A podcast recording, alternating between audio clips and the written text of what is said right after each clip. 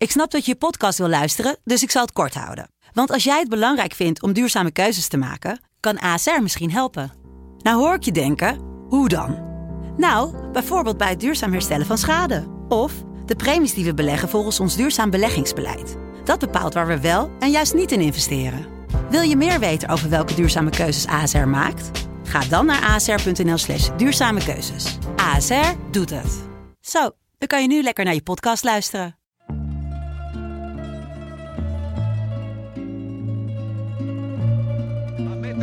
Pallone che sembrava destinato inesorabilmente verso l'incrocio dei pali il corner in favore della Juve già battuto. Secondo palo salta quadrato poi la rimette in rete.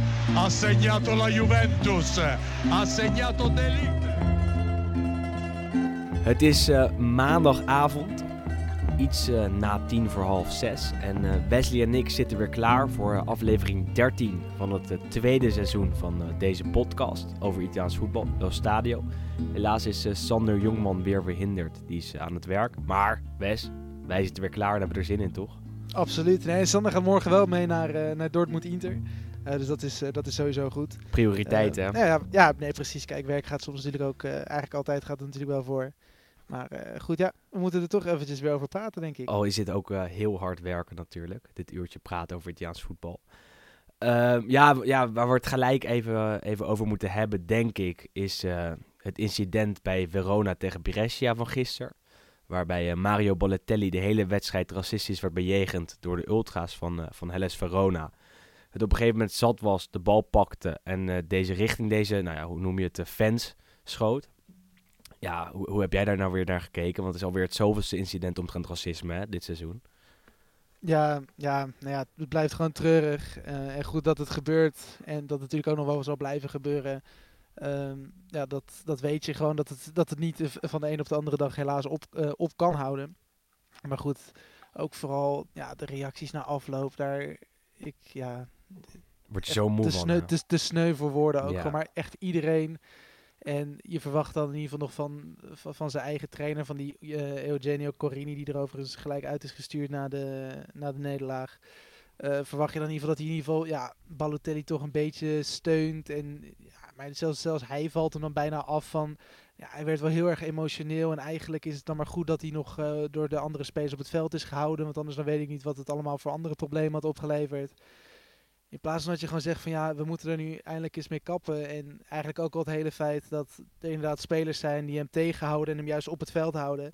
Zou natuurlijk eigenlijk veel mooier zijn als ze gewoon met z'n allen van dat veld aflopen. Laat hem dat statement gewoon maken. Laat Ja. hem weglopen en, en dan heb je eindelijk een keer echt iemand die er tegenop staat. In plaats van dat het altijd hetzelfde is. Dat er altijd tegen wordt gesproken, maar dat de daden achterwege blijven. Eh, en dit was dan een, go- nou, laten we zeggen, een goede daad van Balotelli dat hij één keer de actie tegenneemt. Maar zet hem dan door. Stap echt van het veld af. Ga als team eh, samen met hem van het veld af. Schaar je als trainer achter hem. Dan maak je als Brescia echt een statement. En nu was het toch nog een beetje, ondanks de actie van Balotelli, een beetje eh half Ja, een beetje bakken. Ja, half Ja, nee, absoluut. En, en, en dat En is goed, gewoon echt zonde.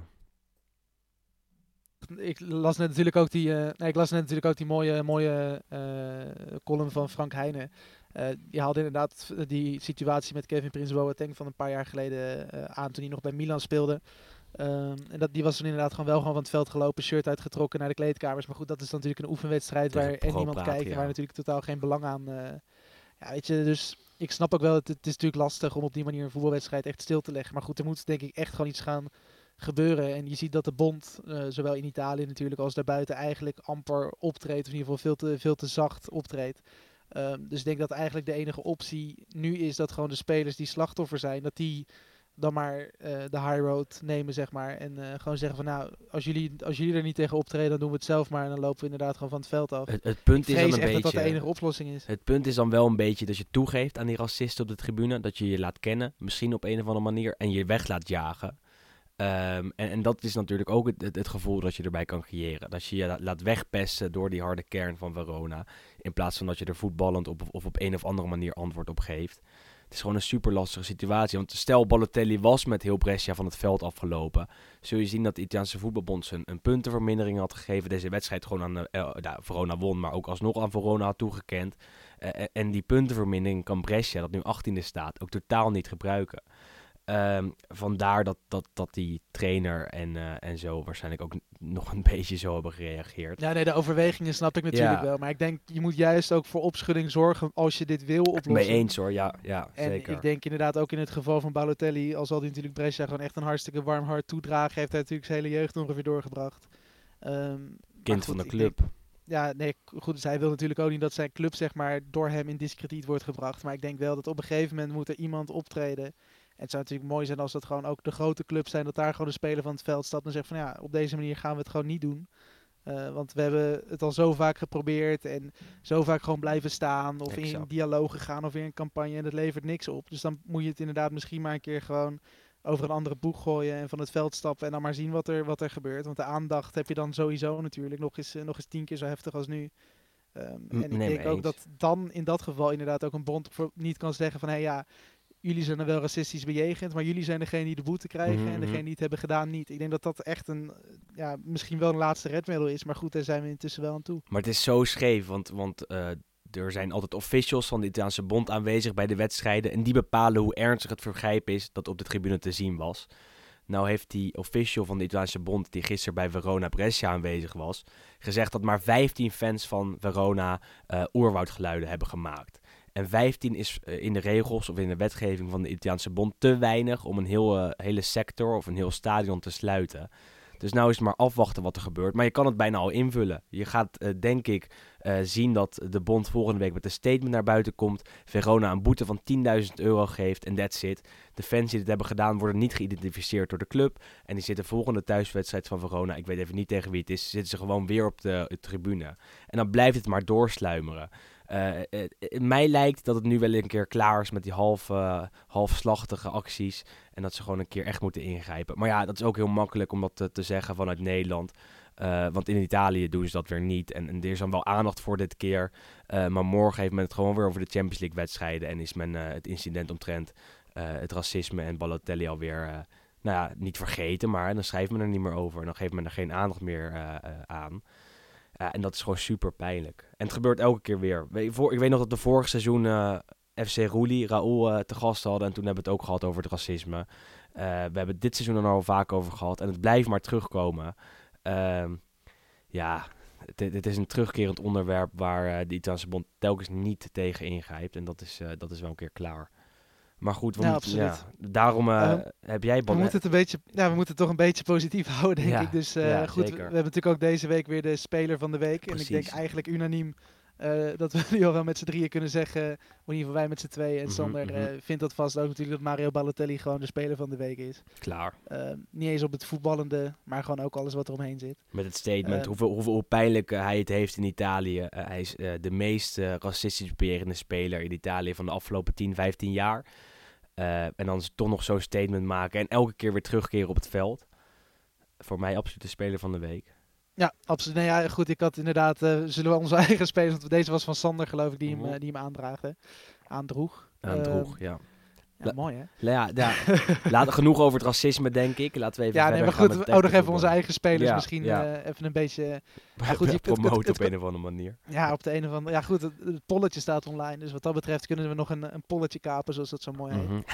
Ja, goed, ik ben opnieuw voor, voor Giro Immobile gegaan. Ik denk als ik die kerel nou gewoon iedere week pak, dan eh, op een gegeven moment wordt hij het wel. Standvastig. Standvastig. Nee, goed, eh, vorige keer eh, won de eerste was Luis Muriel, onze eerste speler van de week. Nou goed, kijk, toen heb ik, kwam ik ook met Immobile, omdat hij natuurlijk in zijn eerste tien wedstrijden negen keer had gescoord, zoiets of tien keer had gescoord.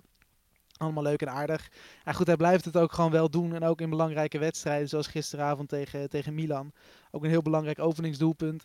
En ja, maar ik zag die statistieken voorbij komen. Het was eh zijn honderdste voor Lazio in alle competities. Maar als je ziet wat voor cijfers die man onderlegt, dat is echt ongelooflijk. Dat is echt bijna wereldklasse niveau, zeg maar. 147 wedstrijden, 100 doelpunten, 29 assists. Nou, het zijn nog net misschien geen Ronaldo en Messi-achtige achtige cijfers, maar het scheelt echt heel weinig. Maar het is wel een goede vraag. Is, is hij Ja, van wereldklasse?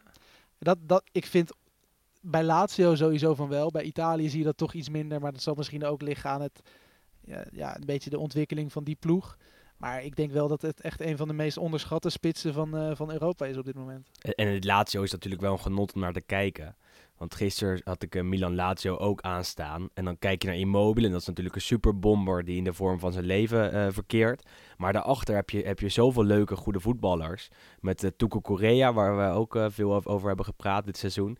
En Luis Alberto, die dit jaar op 7 assists staat. En heel erg belangrijk is in, die, in dat aangeven voor dat doelpunten van, van Immobile.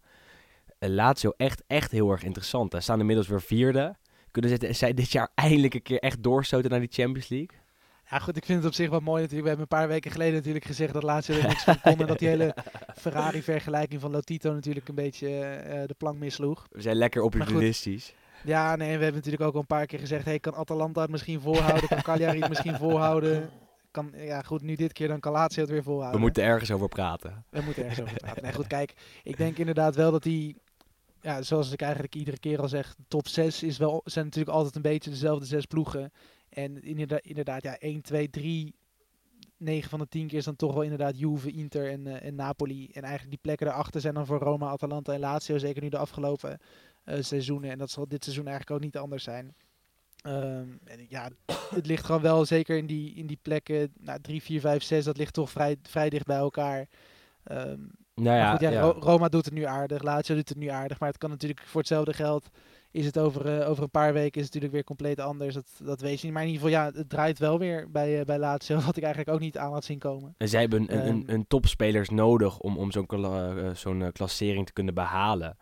En die presteren allemaal, tenminste bijna allemaal, want Milinkovic-Savic is zo'n vorm al ongeveer anderhalf seizoen kwijt. Maar die andere spelers, zo'n Acerbi is echt een top centrale verdediger. Uh, al die namen die ik net heb genoemd, Correa, Luis Alberto, Immobile, zijn spelers die bij veel andere ploegen, of bijna elke andere eh, ploeg in de Serie A, in de basis hadden gespeeld. En dan zie je wel dat ze echt die kwaliteit hebben um, en die individuele kwaliteiten om, om zich uh, te kunnen meten met de beste ploegen. En nou is Milan en, natuurlijk niet super goed, uh, maar ze waren gisteravond, waar ze met 1-2 wonnen in San Siro, echt een stuk beter. Zeker voetballend gezien uh, zag je dat er bij Lazio wel kwaliteit op het veld rondliep en bij Milan eigenlijk niet of nauwelijks. En, en dat verschil is best wel schijnend. Ja, en bovendien heeft Lazio waarschijnlijk binnenkort ook nog het voordeel dat ze uit de Europa League liggen. Uh, niet heel te moeilijke, ja, niet al te moeilijke pool met, uh, met Celtic en Cluj, maar daar allebei al van verloren. Um, het kan natuurlijk nog dat ze doorgaan, maar als ze daaruit liggen, hebben ze natuurlijk ook weer iets minder belasting misschien dan een Roma.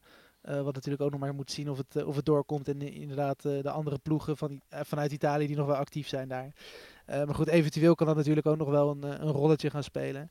En Lazio is natuurlijk een echte cupfighter. Dus die zullen waarschijnlijk ook in de Coppa Italia nog wel een tijdje, een tijdje mee zien doen. Mm -hmm. Dus het kan inderdaad, ja, goed. De Ferrari die is dan toch misschien een beetje, beetje op gang aan het komen. Waarschijnlijk eentje met een dieselmotor. Maar uh, ja, nee, het zou mooi zijn als ze inderdaad dit jaar wel weer gewoon ook direct de Champions League kunnen halen. Want dat is volgens mij ook wel echt heel lang geleden. Nee, en een Ferrari op plek 4 komt bekend voor. Um, maar ja, ik heb een andere speler van de week. Um, en, en die komt van mijn Inter. Uh, en daar kan je eigenlijk ook niet omheen. Dat is namelijk uh, Romelu Lukaku. Um, we hebben, uh, tenminste, toen hij de eerste paar wedstrijden voor Inter speelde, was ik nog niet super overtuigd. Zijn aanname, zoals bekend, is niet super um, voetballend gezien, vind ik hem eigenlijk niet top. Maar nou kijk je naar zijn cijfers en hij heeft um, volgens mij acht, nee, negen doelpunten, negen doelpunten. Uit, ja, negen doelpunten uit de eerste elf wedstrijden in de Serie A dat is echt een gigantisch gemiddelde voor een spits die daarvoor nog nooit in Italië heeft gespeeld. En dan zie je dat hij elke week of elke wedstrijd bij Inter gewoon beslissend is. Midweeks uh, ging Inter naar Brescia. Daar maakte Lukaku met een echt een heel goed doelpunt de, de 0-2. Waar Inter uiteindelijk met 1-2 won.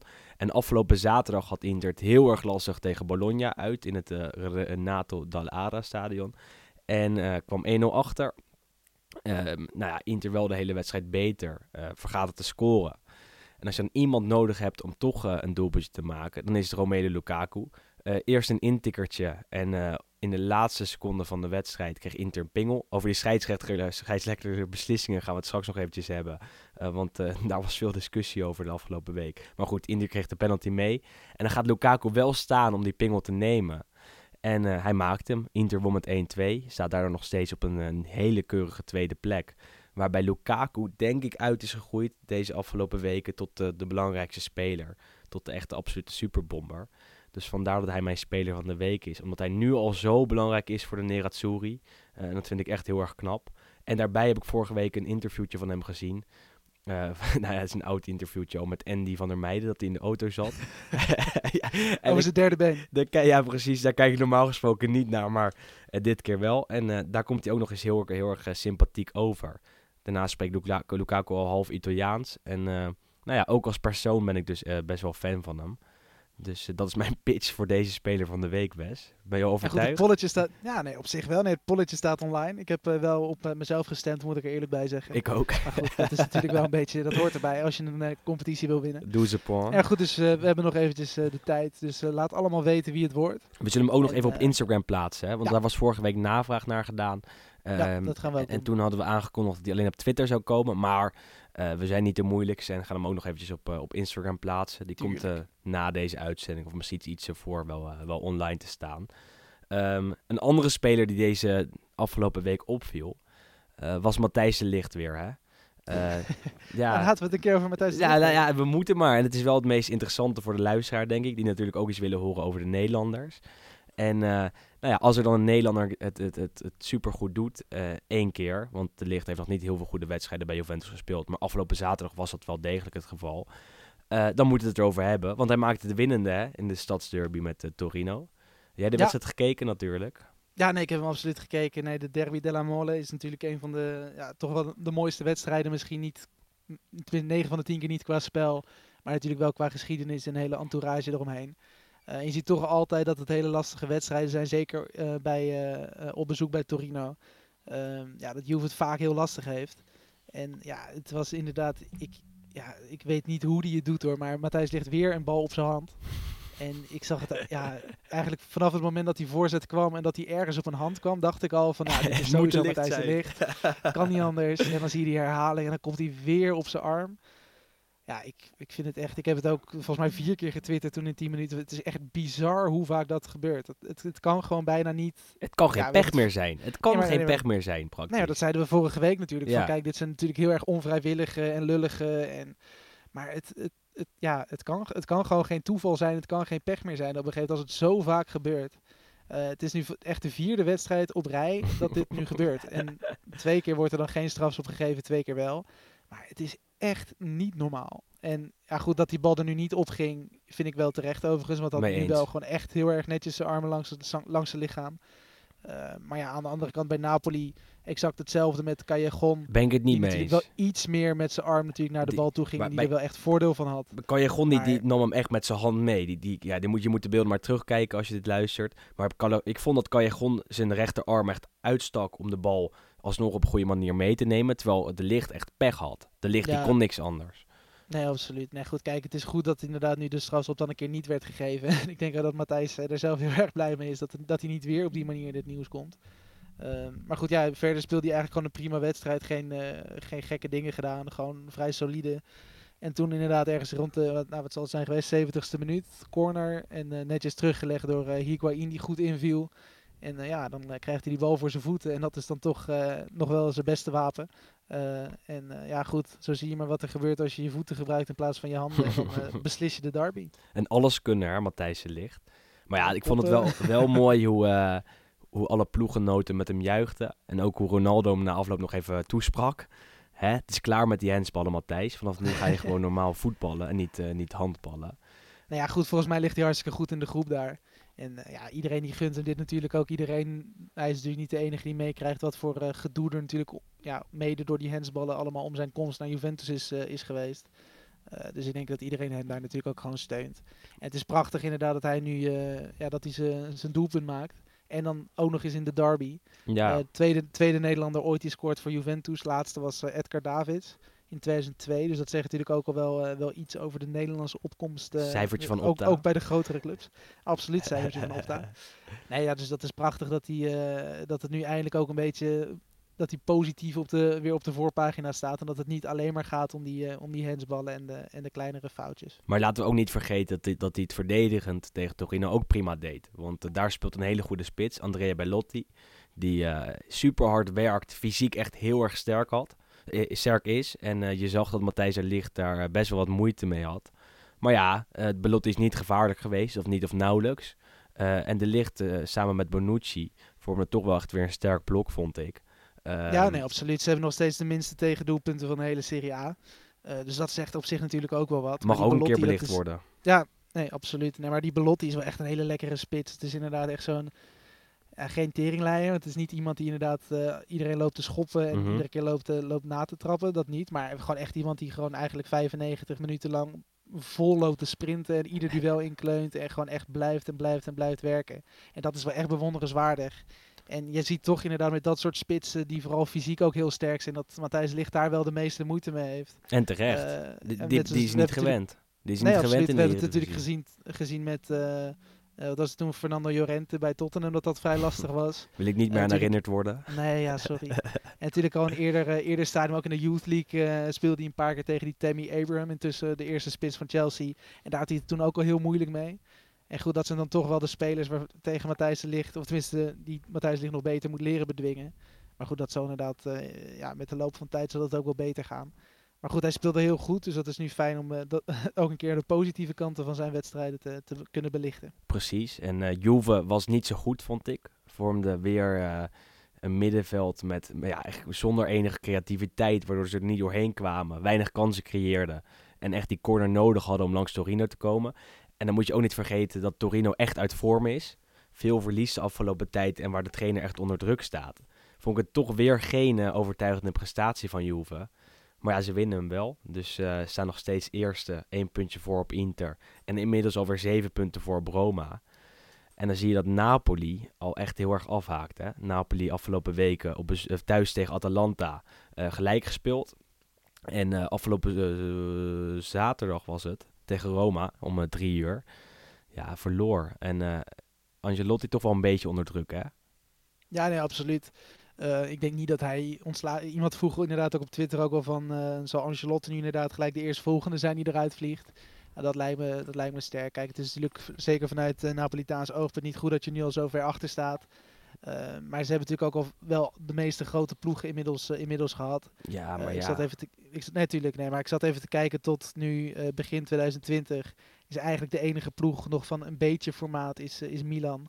Eh, dus met een beetje geluk pak je gewoon eh, volgens mij vijf of zes wedstrijden en win je die allemaal. En dan sta je waarschijnlijk gewoon weer in de top 4. Moet ook nog tegen Inter, toch? Voor de winterstop, dacht ik. Volgens mij niet voor de winterstop. Volgens mij is dat er net na. Ja, maar goed, kijk, het is... Ja, Napoli hoort natuurlijk wel bovenin mee te draaien. Zeker op basis natuurlijk van de laatste paar seizoenen.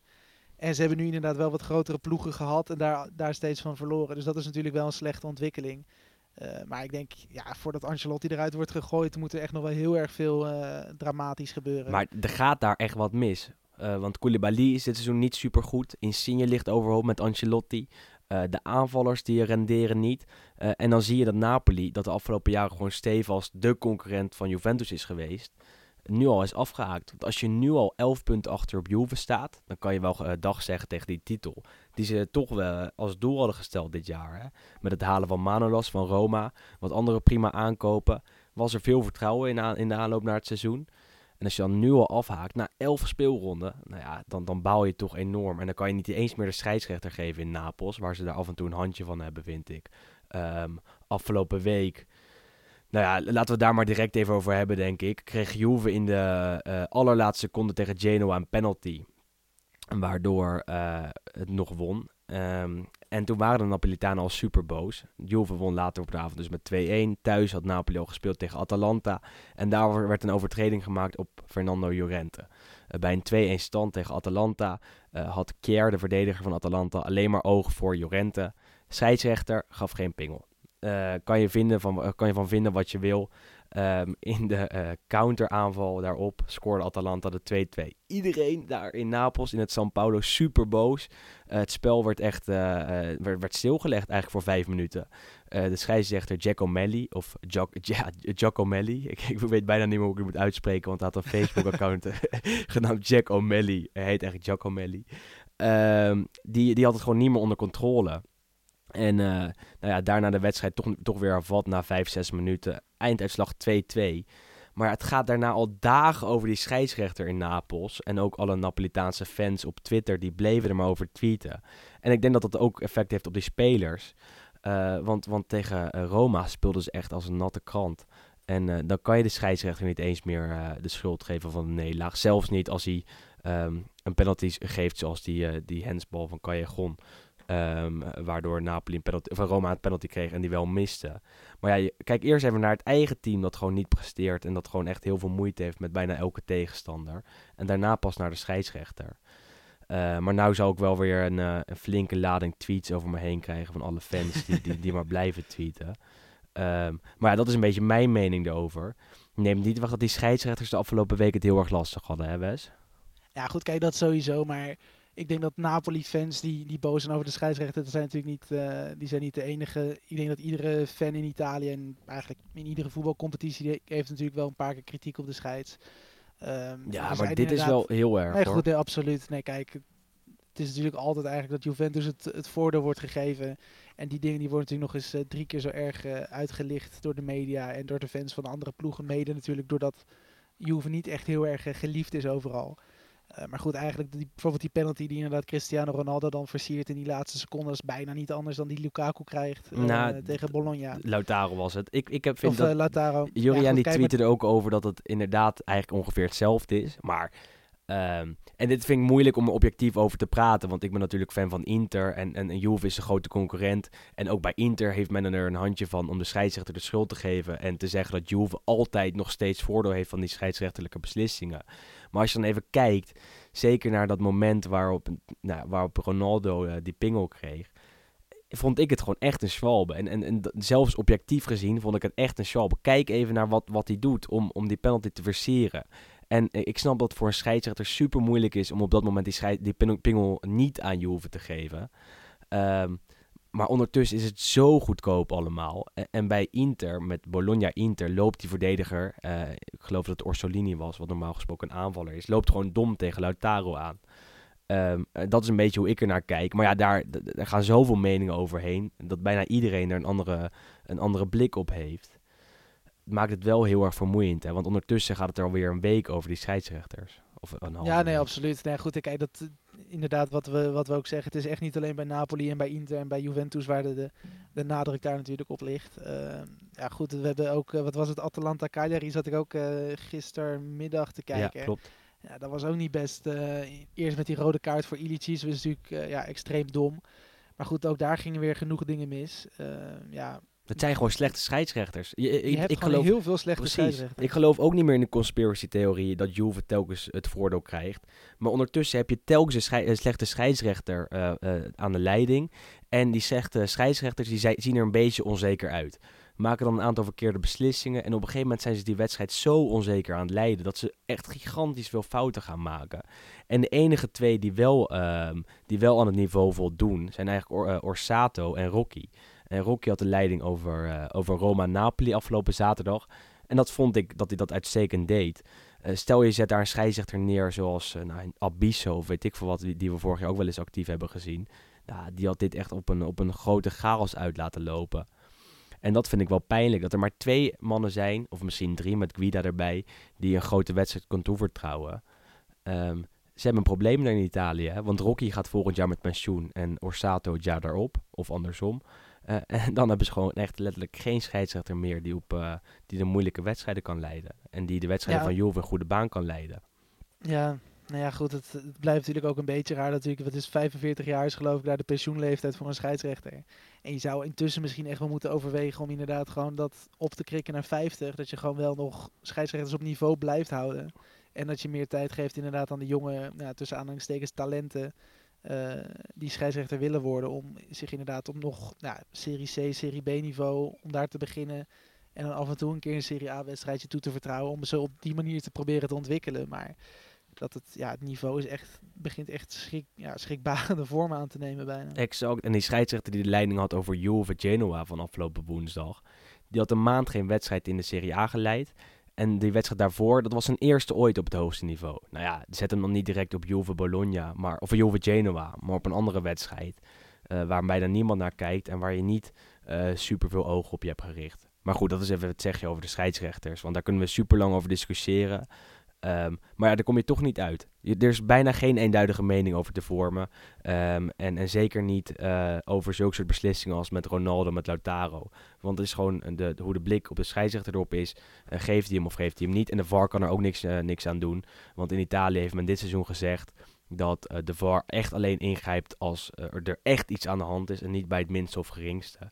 Eh, dus bij zo'n net niet of net wel pingel eh, doet de VAR niet. En dat vind ik al eigenlijk alleen maar goed, want daardoor laat je het spel zijn spel zijn. En eh, nou ja, daardoor maken de scheidsrechters dus nog wel steeds foutjes. Ehm, nog wat meer dingen die jou eh, het afgelopen weekend of de afgelopen midweek opvielen? Ehm, nou, het ik denk dat we de meest belangrijke dingen hebben intussen wel gehad. Ehm, ja, Ja. ik vind nog wel los gezien, ja, los van de, de racistische dingen die we natuurlijk nu over Verona hebben gezegd. die doen het vrij aardig. Zeker, verrassend. Dat is hoe, hoe kan dat nou? Ze staan negende. Ja, nee, maar goed, die, die staan negende. Vier wedstrijden gewonnen eh, van de elf.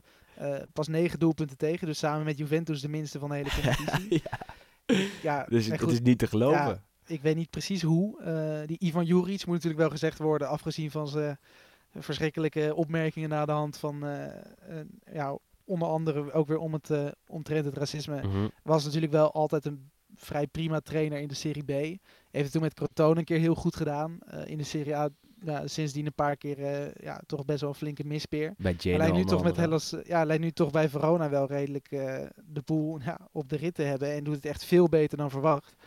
Ehm, Echt en die hebben nu inderdaad ja, en die hebben nu ook een jongetje van, van Inter gehuurd. Die, daar kun jij waarschijnlijk wat meer over vertellen. Over Eddie Salcedo. Ja, Maar de één na jongste speler ooit die scoort in de Serie A.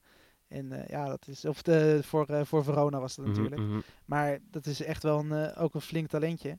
En onze Pornhub, ja, hoe noem je dat? Een sponsie. ja, ja, ik weet Pessina niet. die Vertegenwoordiger. de, maakte toen de 2-0. Ja, goed. Dit is natuurlijk zeker zo'n Verona Brescia. Dat is gewoon eigenlijk een degradatiekraker. En als je dan toch ziet dat zo'n Verona, ondanks de toch wel vrij beperkte middelen en nou, bijna compleet anonieme spelersgroep, eh, ook zo'n wedstrijd wint. Dat is dan toch best wel eh, bewonderenswaardig. Echt knap, echt knap. En hebben uit- uiteindelijk toch nog een best redelijke selectie bij elkaar gespokkeld, eh, zo gezegd. En zo'n Salcedo, die speelde bij Inter in de Primavera, had het daar wat moeilijk en werd verhuurd. En Verona, die wilde hem heel graag hebben. Ehm, en daar echt afgelopen zondag echt prima gedaan. Prima doelpunt ook. Is een hele snelle buitenspeler. ehm, die bij Genoa, want daar komt hij echt oorspronkelijk vandaan, werd gezien als een van de grote, grotere talenten, talenten. Samen met Pellegrini, die inmiddels voor Monaco speelt. Pellegrini ging naar Monaco, Salcedo naar Inter, had het daar moeilijk en nu bij Verona dus eh, enigszins opgebloeid. Zeker een speler om in de gaten te houden. Eh, en al aankomende zaterdag, zaterdag is het geloof ik, ja, of zondag, nee zaterdag om 6 uur, spelen eh, Inter en Verona tegen elkaar. En je weet wat er gebeurt als huurlingen het tegen Inter opnemen. Dan scoren ze Ja, meestal. Salcedo, die, eh, die gaat hem erin leggen. En dat zou mooi zijn natuurlijk voor het verhaal. Ja, goed, ik denk dat het wel tijd is om een beetje voor te, eh, voor te, vooruit te blikken op, het, eh, op de aankomende speelronde. mee eens. En daar zitten toch een paar mooie wedstrijdjes weer tussen. Ja, voor jou inderdaad Inter, Inter Verona. Maar ik neem aan dat jij toch ook wel gewoon zegt dat Inter gewoon lekker gaat winnen daar. Lijkt mij wel. Verona is, zoals gezegd, prima. Maar ja, wel gewoon nog steeds een degradatiekandidaat. Gaan het nog heel erg lastig krijgen. En Inter is inmiddels, nou ja, laten we het wel zeggen, misschien wel een titelkandidaat. En een titelkandidaat moet in alle tijden gewoon winnen van een team als Verona. Dus ik ga er wel een beetje vanuit dat dat gaat gebeuren. Eh, ook al is het de week natuurlijk na de Champions League. Inter het morgen, nou daar gaan we het straks nog even over hebben, tegen Dortmund opneemt. Wat een hele belangrijke wedstrijd is. Eh, is de verwachting dat Inter een paar spelers rust gaat gunnen tegen Verona. Want eh, telkens staan dezelfde elfde spelers aan de aftrap. En op een gegeven moment is het wel een beetje klaar. Dus misschien Inter met een, met een redelijke, de- ja, redelijke B-ploeg tegen Verona. Maar dan nog denk ik dat ze moeten winnen van, eh, van de Giallo Blue. Eh, maar ja, er is maar één wedstrijd waar we echt eh, naar kunnen uitkijken hè, aankomend weekend. Juve ja, Milan. nee, absoluut. Udinese Spal. ja.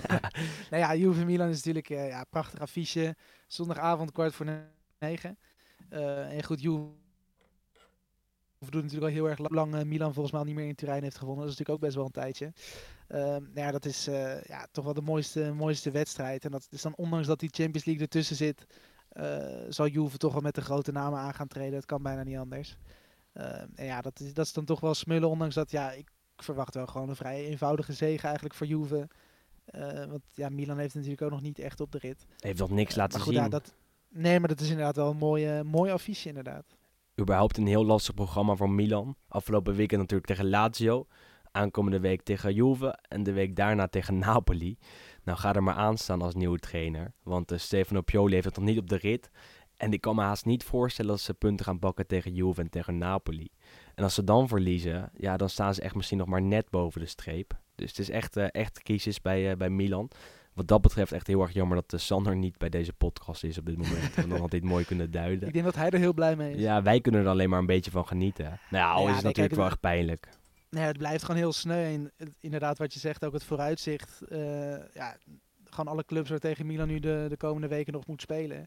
Je ziet ze daar ook gewoon niet van winnen. En je weet dat als ze nu inderdaad nog vier, eh, vier wedstrijden verliezen. En alles wat daaronder zit, dat blijft gewoon een beetje gelijk spelen. En af en toe een wedstrijdje meepakken. Ja, dan sta je straks echt gewoon onder de streep halverwege het seizoen. Dat is zo pijnlijk. Ja, dat is, dat is gewoon eigenlijk eh, verschrikkelijk ook voor het Italiaanse voetbal natuurlijk. En je kunt dat natuurlijk niet alleen aan, eh, aan Gianpaolo wijten of zeggen tegen Pioli van ja, dat jij bent niet goed begonnen. Want het is natuurlijk eigenlijk gewoon ja, treurig ook gewoon het niveau van de spelers. er is niks. Er is je niks. kunt, ook niet, je kunt ook niet heel veel meer verwachten dan, dan dit. Maar goed, ja, inderdaad met het programma wat voor de boeg staat. Ik zie hier dat Milan in de, laat, eh, de laatste keer dat die wonnen in de Serie A van Juve was in 2011. nou, dat is inmiddels bijna negen jaar geleden. Ehm, ja, ik, Ja, het wordt echt een heel, heel, heel sneu verhaal. Maar goed, wie weet kunnen ze het juist tegen Juventus wel een keer omkeren. Maar vorig Ik, jaar eh, had eh, Juve het wel lastig hè, in eigen huis tegen Milan. Toen wonnen ze maar net met 2-1. Doelpunt van Moise Ken in de 81ste minuut. Dus wat dat betreft is er wel een beetje hoop voor Milan. Al denk ik niet dat het gaat gebeuren. Maar we kunnen nog wel een beetje spanning aan deze wedstrijd toevoegen. Dat, eh, dat Milan misschien wel kan stunten met een goede Piontek, met een goede Leao. Het zou, eh, het zou een gigantische stunt zijn. Ehm, wat ook nog een mooi duel is, is die tussen Napoli en Genoa van zaterdagavond. En dat zijn twee supportersgroepen die een enorm hechte vriendschap met elkaar hadden. Tot vorig jaar. Toen eh, hebben de beide ultra-groeperingen er een einde aan gemaakt. Het is een beetje nog de vraag waarom. Maar daarom eh, toch wel een beetje qua supportersgroepen een eh, beetje spanning om dat duel van, eh, van zaterdagavond. Maar eerst hebben we die Champions League weken, hè, Wes? Daar heb ik heel veel Ja, zin absoluut. Nou ja, goed, kijk, wij zitten natuurlijk morgenavond, of ik weet niet wanneer je dit luistert. Maar we zitten in ieder geval bij Dortmund tegen, tegen Inter. En ja, dat is sowieso een mooi potje. Ik denk dat Inter misschien wel de beste wedstrijd van het seizoen speelde in de heenwedstrijd. in. Heb je de liedjes al geoefend? Ik heb de liedjes nog niet geoefend, maar ik we zitten volgens mij wel in het thuisvak. Dus we kunnen niet al te hard, eh, al te hard meezingen. Dat is Maar goed, in de auto er, eh, op weg daar naartoe kan natuurlijk wel. Ik denk dat ik dan in ieder geval een soort van geluidswerende mee, mee ga nemen. Oordopjes. Ja, goed, nee, dat wordt een prachtige wedstrijd. Trap om 9 uur af in eh, het eh, Signal Iduna Park. Eh, nou, en het wordt, een, eh, wordt een, sowieso een mooie wedstrijd. Ik denk dat we het, eh, dat mooie derde zwart-gele tenue in actie gaan zien Mhm. in levende lijven. Ehm, ja, goed, ik, eh, ik kijk er echt naar uit. Er staat gigantisch veel spanning op. Eh, pakt Inter daar een punt, dan, eh dan zetten ze een hele goede stap richting de, de, de knock-out fase van de Champions League. Verliezen ze, dan kan het nog wel eens heel erg pijnlijk worden. Want dan staat Dortmund tweede, Barça eerste en Inter op een derde plek. En dan wordt het nog heel lastig om, ja, Inter te zien in de knock-out fase na de, na de winter. Of na de winterstop moet ik dan zeggen. Maar ja, nog een Italiaanse ploeg morgen in actie. eh, namelijk Napoli, thuis tegen Red Bull Salzburg. Dat winnen ze wel, toch? Ja, goed, dat is natuurlijk een beetje, beetje de vraag. Ik had eigenlijk eh, verwacht dat die heenwedstrijd in Salzburg, eh, dat ze daar zouden verliezen. Maar eigenlijk kwamen ze toen ook best wel volwassen voor de dag. En toen toch met 3-2 gewonnen. En Napoli staat nu gewoon eerste boven Liverpool en boven Salzburg en boven Genk. Ehm, dus ja, dat is, eh, dat is sowieso een goede, goede ontwikkeling. Maar ik denk eigenlijk dat je in eigen huis moet je natuurlijk eigenlijk zo'n Salzburg wel verslaan. Als ze winnen, zijn ze door. Ja, eigenlijk, eh, ik zeg nu wel heel vaak eigenlijk geloof ik. Nou Maar ja. ja, dat klopt wel. Nee. En eh Salzburg heeft natuurlijk echt een prima ploeg. Eh, vooral offensief heel erg goed met die, met die gekke Erling Braut, Ha- Braut Haaland. En eh Minamino en dat soort types allemaal. Die Kwang. Veel Dat talenten. zijn, gewoon, dat zijn gewoon echt hele grote talenten. En die zullen we ook in de toekomst echt wel nog bij grotere clubs zien. Eh, maar eigenlijk, hé, daar gaan we weer. Eigenlijk. Ja, ja, ja, ja. Stopwoordje, gewoon winnen. Ja, het begint een beetje heftig te ik worden. ook dus maar goed, hebben. en inderdaad, en eigenlijk eh, komt het heel vaak voorbij eh, bij mij. Maar ze moeten wel gewoon, gewoon winnen die, die thuiswedstrijd. En dan zijn ze door en dan heb je in ieder geval eigenlijk... Hier, nog een keer. Je gaat er nu heel erg op letten. Ja, ja, ja. Nou ja, goed, ja, Atalanta ligt er sowieso uit. Dat weten we natuurlijk al. Tenzij er hele gekke dingen gaan gebeuren. En Juventus gaat ook gewoon door. Als er ook geen gekke dingen gebeuren, dan heb je toch drie van de vier exact. eh, Italiaanse ploegen die in ieder geval in de Champions League dan doorgaan. Want Dus is woensdagavond sowieso- is het eh, woensdagavond is sowieso Lokomotief tegen Juve. En daarna eh, om 9 uur Atalanta tegen City. En vooral Atalanta-City kan een heel, heel interessant duel worden. Waarbij City waarschijnlijk aan het langste eind zal trekken. Maar ja, het is wel een wedstrijd in San Siro. Met twee super aanvallende ploegen. Dus als je dan een wedstrijd moet gaan kijken op woensdagavond. Kies dan voor Atalanta City. Want dat kan echt heel interessant worden. Ehm, wij zitten, zullen er klaar voor zitten. En ook voor het aankomende speelweekend. ik denk dat dit alweer de podcast van deze week is. Vergeet, eh, en dat zeg ik elke week, vergeet niet naar de andere podcast van FC Afgekeerd te luisteren. Uh, dan noem ik de PSV-podcast, de Pantelits-podcast, de podcast met Petersen, de redactie-podcast. En uh, geef ons, en, en, dat vergeet ik nog wel eens te zeggen, vergeet ons niet vijf sterren te geven op uh, iTunes, want dat wordt enorm gewaardeerd. De um, Cinque Stelle doen het altijd de goed Cinque Stelle, heel mooi. En, nou ja, wel de andere Cinque Stelle natuurlijk. en um, daarna um, moet je niet vergeten om te stemmen op onze Speler van de Week poll. Die gooien we en op Instagram en die staat op Twitter, waar je nog uh, een aantal uur hebt om erop te stemmen. Doe dat vooral. En uh, dan moet je als allerlaatst niet vergeten om uh, te luisteren naar de prachtige column van Juriaan van Wessem. De afsluiter van deze week gaat over Juve Milan. Komende zondag is het weer Juventus Milan. De twee succesvolste en populairste clubs van Italië treffen elkaar dan in een ongelijke strijd. En dat is best jammer, want eigenlijk is Juve Milan dé Classico van de Serie A. Met dat verschil dat beide clubs, in tegenstelling tot Real Madrid en Barça, wel goed samen door één deur kunnen. Sinds de jaren 90 hebben ze de meeste prijzen onderling verdeeld en waren ze partners in crime om alle concurrenten in eigen land op een zijspoor te zetten. Moggi en Galliani waren gewoon twee handen op één buik. Maar sinds Berlusconi Milan verkocht, dolt de rood-zwarte club een beetje rond in de hoop nog iets van de oude glans op te vangen. Toch blijft Juve Milan een speciale wedstrijd, vooral omdat het door de decennia heen mooie confrontaties heeft opgeleverd. In Nederland denken we dan al snel aan het Hollandse tijdperk van Milan, toen Juve een beetje werd afgelost als leidende club van het calcio. In het communale, dat tegenwoordig de thuishaven van Torino is, vonden enkele prachtige ontmoetingen plaats van beide clubs. In 1988, op 10 januari om precies te zijn, won Milan met 1-0 bij Juventus. Met een zeldzaam mooie sprong torende Ruud Gullit boven iedereen uit om met zijn karakteristieke hoofd voor het enige doelpunt te zorgen. Vanaf die dag wist iedereen zeker dat AC Milan een serieuze titelkandidaat was en uiteindelijk ook kampioen zou worden. Twee jaar later leek Milan op weg naar weer een titel, maar plots werd de ploeg van Arrigo Sacchi aan alle kanten voorbijgelopen door een energiek Juventus. Het publiek in Turijn keek even verbaasd als verheugd, want trainer Dino Zoff was eigenlijk al door de clubleiding aan de kant gezet. Er was zelfs al een opvolger, omdat zijn voetbal te ouderwet zou zijn. Maar die middag in april won de ploeg van Zoff met 3-0 dankzij de opvallende spits Toto Schilacci, die enkele maanden later een nationale held zou worden. Juventus zou in dat seizoen zelfs de finale van de Coppa Italia van Milan winnen. En als gevolg van die nederlaag liep Milan een aanvankelijk verdiende landstitel mis. In 1994, toen Milan onder Fabio Capello drie landstitels op rij had gewonnen, zorgde Roberto Baggio voor het enige doelpunt in deze klassieker en daarmee keerde de macht weer definitief terug naar Turijn. Juventus heeft sinds die gure novembermiddag, nu 25 jaar geleden, 13 landstitels op zijn erelijst bijgeschreven en dan tellen we de twee afgenomen titels er maar even niet bij. Plus het ene kampioenschap in de Serie B. Voor Milan bleven er sinds die middag nog maar drie titels over. En dan is er die duidelijke statistiek dat Juventus in het nieuwe stadium altijd heeft gewonnen van Milan. Wie weet zorgt Pioli, die uh, met Juventus nog wereldkampioen werd in Tokio, voor de uitzondering op de regel in deze Classico.